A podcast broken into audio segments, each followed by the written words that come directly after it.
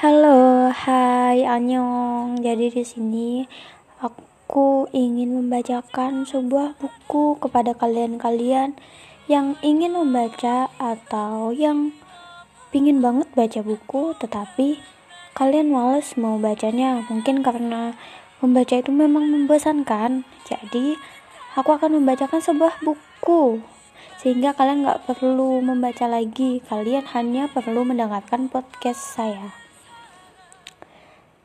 Buku yang akan aku bacakan ini dari Boy Chandra yang berjudul Sepasang Kekasih yang Belum Bertemu. Oke, langsung saja kita mulai bab 1 di luar logika di dalam hati. Ada banyak hal yang tak pernah kuceritakan kepadamu. Perihal betapa sakitnya masa lalu yang pernah singgah di dadaku. Misalnya, bukan karena apa-apa bagiku. Menceritakan masa lalu hanyalah akan membuatmu merasa aku masih berharap padanya. Padahal tidak, sama sekali tidak. Semenjak memilih untuk menjadi bagian dari hidupmu, aku sudah mengikhlaskan dia selamanya. Meski kami berakhir bukan karena ingin aku dan dia, namun ada hal yang tak dapat kami tembus. Nanti aku akan menceritakan perihal itu kepadamu. Nanti pasti akan kuceritakan. Kali ini aku hanya ingin mengatakan kepadamu, meyakinkan kamu lagi bahwa cinta kita memang tak pernah salah. Meski tak banyak orang yang bisa menjalani hubungan begini, namun kepadamu Wulan Sari, aku telah jatuh hati sedalam ini dan aku ingin kamu menjaga hatiku yang jatuh agar tumbuh dan utuh bersama hatimu. Mungkin tak banyak yang bisa menjalani kisah begini, tak banyak yang kuat menjalani cinta seperti ini. Namun, kamu tahu, aku pun mengerti bahwa apa yang telah kita sepakati memang selayaknya kita jaga dan pertahankan. Bersamamu, aku merasa percaya lagi karena cinta yang didekatkan jarak saja bisa menyakiti. Cinta tak pernah bisa ditakar hanya karena jarak. Entahlah, ini gila, sangat gila. Tetapi aku yakin ini cinta. Ini cinta kita. Aku dan kamu percaya bahwa apa yang kita perjuangkan tak akan pernah sia-sia. Bukankah begitu, Wulan? Maka izinkanlah aku menuliskan kisah cinta kita lebih panjang, agar aku kuat menjaga hatimu di sini, agar aku yakin bahwa kamu memang ada di hatiku, dan akan selalu menjadi perempuan yang menguatkan aku saat orang-orang menganggapku gila karena memilih mencintaimu. Saat teman-temanku memintaku berpikir ulang, sebab aku menceritakanmu kepada mereka. Apa yang salah dengan cinta kita? Bukankah perasaan itu bisa datang kapan saja, kepada siapa saja? Apa mereka tidak pernah mengerti hebatnya cinta? Bagaimana mungkin kamu bisa menyebutnya cinta, sementara kalian belum pernah bertemu? Pertanyaan itu memang tak bisa aku jawab kepada teman-temanku. Namun, Tahukah kamu, sungguh aku ingin meneriakkan ke telinga mereka, kalian terlalu sempit mengartikan cinta. Mereka terlalu sempit mengartikan apa yang kita rasakan. Bulan, rasanya dadaku semakin menyesak saat menuliskan ini. Entahlah, aku hanya ingin menegaskan pada dunia bahwa kita memang ada. Aku ingin mereka tahu bahwa kamu bukan hanya sekedar hayalanku. Kamu bukan sekedar kekasih imajinasiku. Kamu nyata di kepalaku. Kamu nyata di hidupku. Mereka tak pernah mengerti. Mungkin memang tak seharusnya juga mereka mengerti. Rasa ini aku yang ngerasa, kamu yang ngerasa, kita yang ngerasakan. Aku bisa menatap matamu, Aku merasakan di sana ada kehangatan atas kebukuan luka yang selama ini menyelimutiku. Pelan-pelan aku memasukkan matamu ke dadaku. Ku peluk erat-erat. Sungguh, aku tak ingin melepasnya sedetik pun. Biarlah ia lama di dalam dadaku, sampai mataku pun menua. Inilah perasaanku yang menggebu kepadamu. Berkali-kali mereka meyakinkan aku perihal kamu. Bahkan kegilaan ini membuat mereka menggelengkan kepala kepadaku. Dan kamu tahu, mereka menyertakan pekerjaanku dengan semua ini. Katanya, karena aku penulis, mereka pikir aku gila. Aku telah jatuh cinta pada khayalanku sendiri. Aku disebut-sebut mencintai tokoh fisikku sendiri. Jujur saja, aku sedih Kenapa harus mereka membawa-bawa pekerjaanku sebagai penulis? Apa menurut mereka pekerjaan penulis fiksi itu pekerjaan orang gila? Mungkin mereka hanya tidak tahu bahwa dengan menulis membuat aku menjadi tetap waras.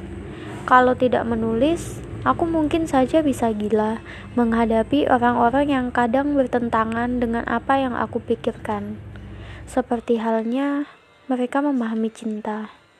Bagi mereka, cinta hanya sebatas pelukan, kecupan, dan bercinta sepanjang malam. Hanya itu, sempit sekali kepala mereka memang. Namun, mereka tetaplah temanku. Meski kadang menyebalkan, teman tetaplah teman. Bahkan saat mereka mengatakan aku lelaki gila, penulis gila. Tak apa-apa, Wulan. Kamu tak perlu kasihan kepadaku. Ini memang bagian dari apa yang kita perjuangkan. Ini bagian dari proses panjang yang harus aku lalui karena telah memilihmu. Aku tak ingin kamu kasihan kepadaku, lalu menjalani hubungan kita hanya karena rasa kasihan. Kamu tahu, salah satu hal yang paling menyedihkan di dunia, di dunia ini bukan kemiskinan saja tetapi dua orang yang menjalani hubungan, salah satu di antara mereka hanya bertahan karena rasa kasihan, bukan karena rasa cinta yang ada di dada mereka. Bertahanlah denganku, karena rasa rindu yang merasuk di dadamu. Berjuanglah denganku, karena suatu hari nanti kamu ingin terbangun bersamaku. Lalu kita akan memulai pagi dengan segelas teh hangat, kecupan, dan pelukan yang erat. Mungkin di sebuah kota besar, atau mungkin di sebuah rumah kecil di kaki pegunungan, asal bersamamu, sungguh aku siap hidup di mana saja.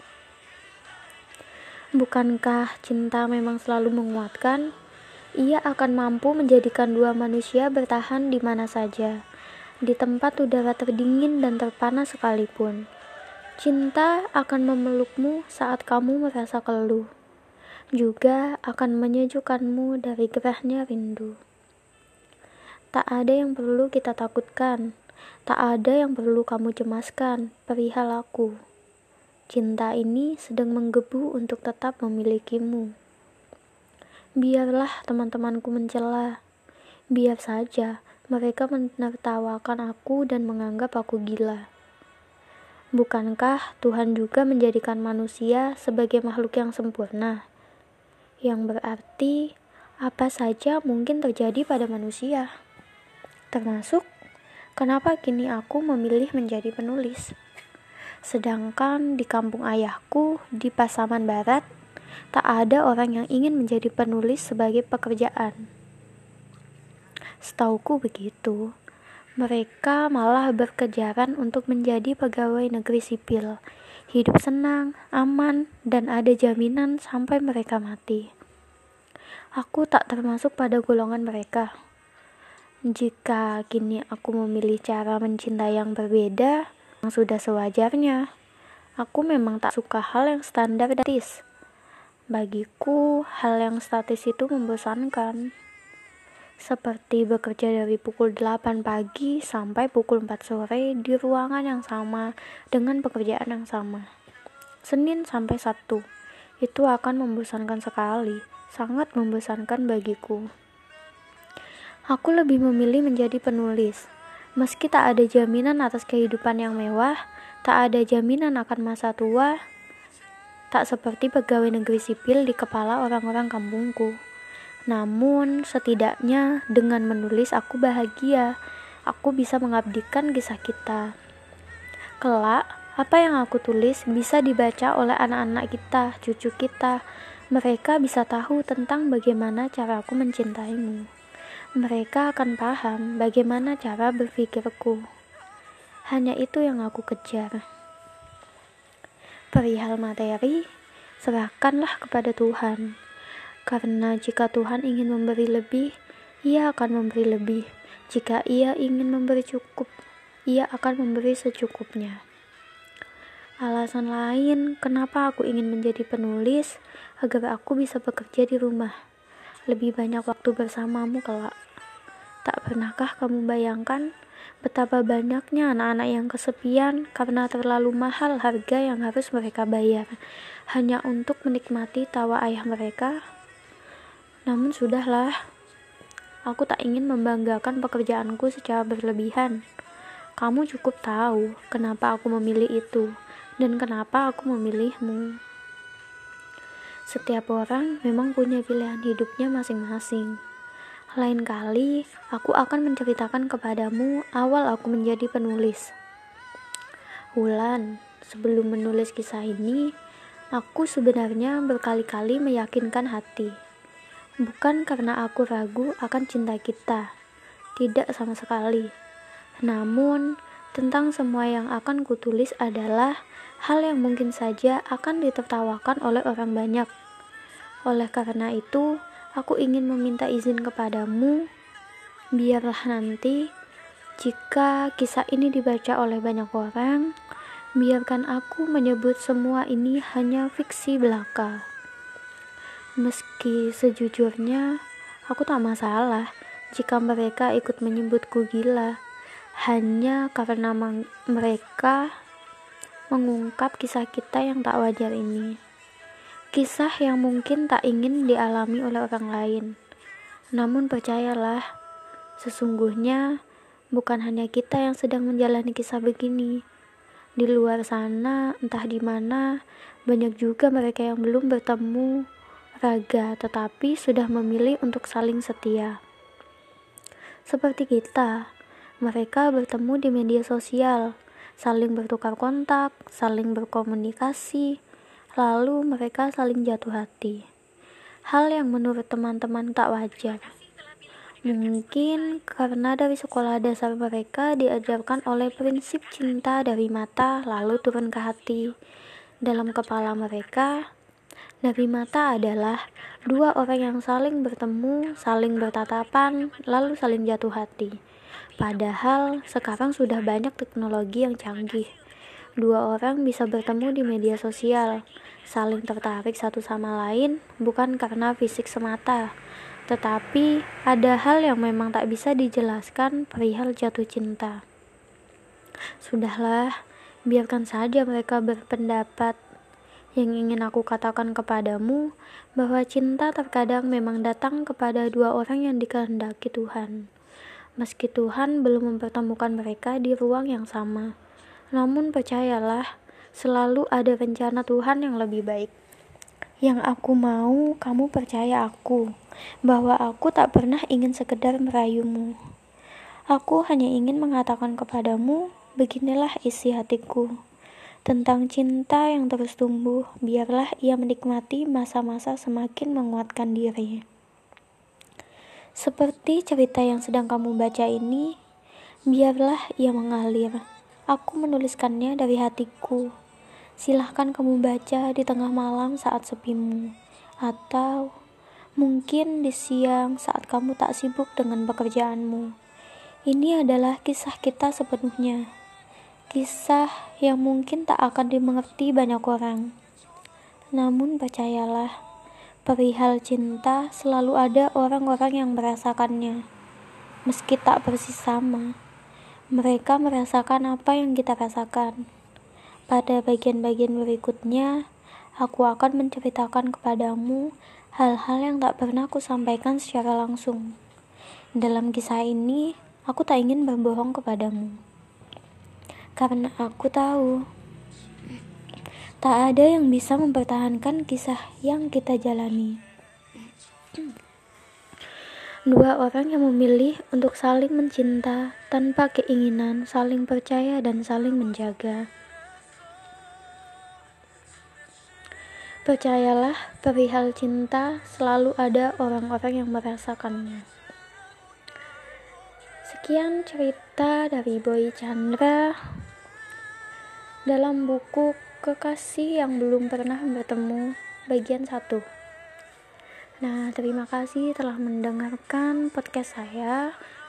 Berikutnya akan saya bacakan masih buku yang sama dengan pengarang yang sama yaitu bagian kedua empat setengah tahun yang berbeda. Sampai jumpa lagi. Terima kasih banyak. Kanyong di kaseo.